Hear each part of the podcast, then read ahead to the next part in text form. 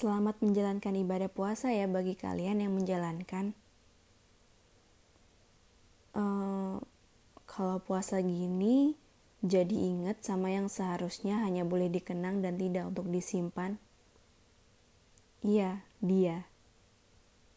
Rasanya masih ingat betul gimana kebiasaan-kebiasaannya dia.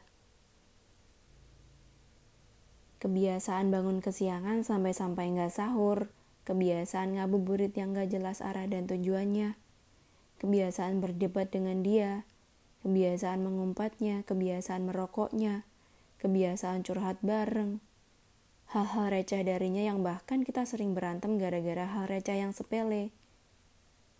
Kalian can relate lah ya gimana serunya hal-hal semacam itu. Ah, jadi rindu. Tapi nggak bisa apa-apa dan bahkan untuk merindu pun sudah harus dibatasi. Duh, gimana ya? Beberapa kali sempet sih kayak mikir, ah udahlah gak usah dipeduliin lagi karena memang gak ada yang sepantasnya untuk dipeduliin lagi. Beberapa kali sempet mikir, gimana ya caranya agar cepat move on.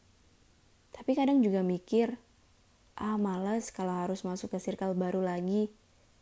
Bertukar pikiran dari awal lagi, melakukan kebiasaan baru lagi, yang hal-hal itu sangat malesin.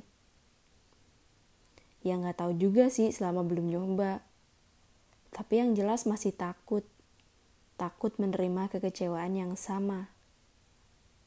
Pilihannya cuma dua.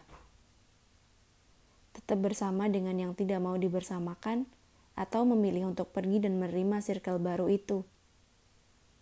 Pilihan yang menyebalkan memang tapi inilah yang terjadi.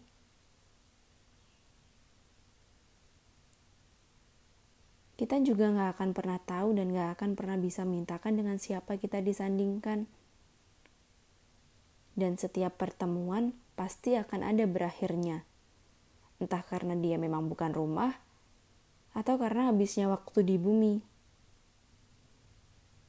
Tapi yang jelas semuanya secara tak terencana. Siap nggak siap ya harus siap.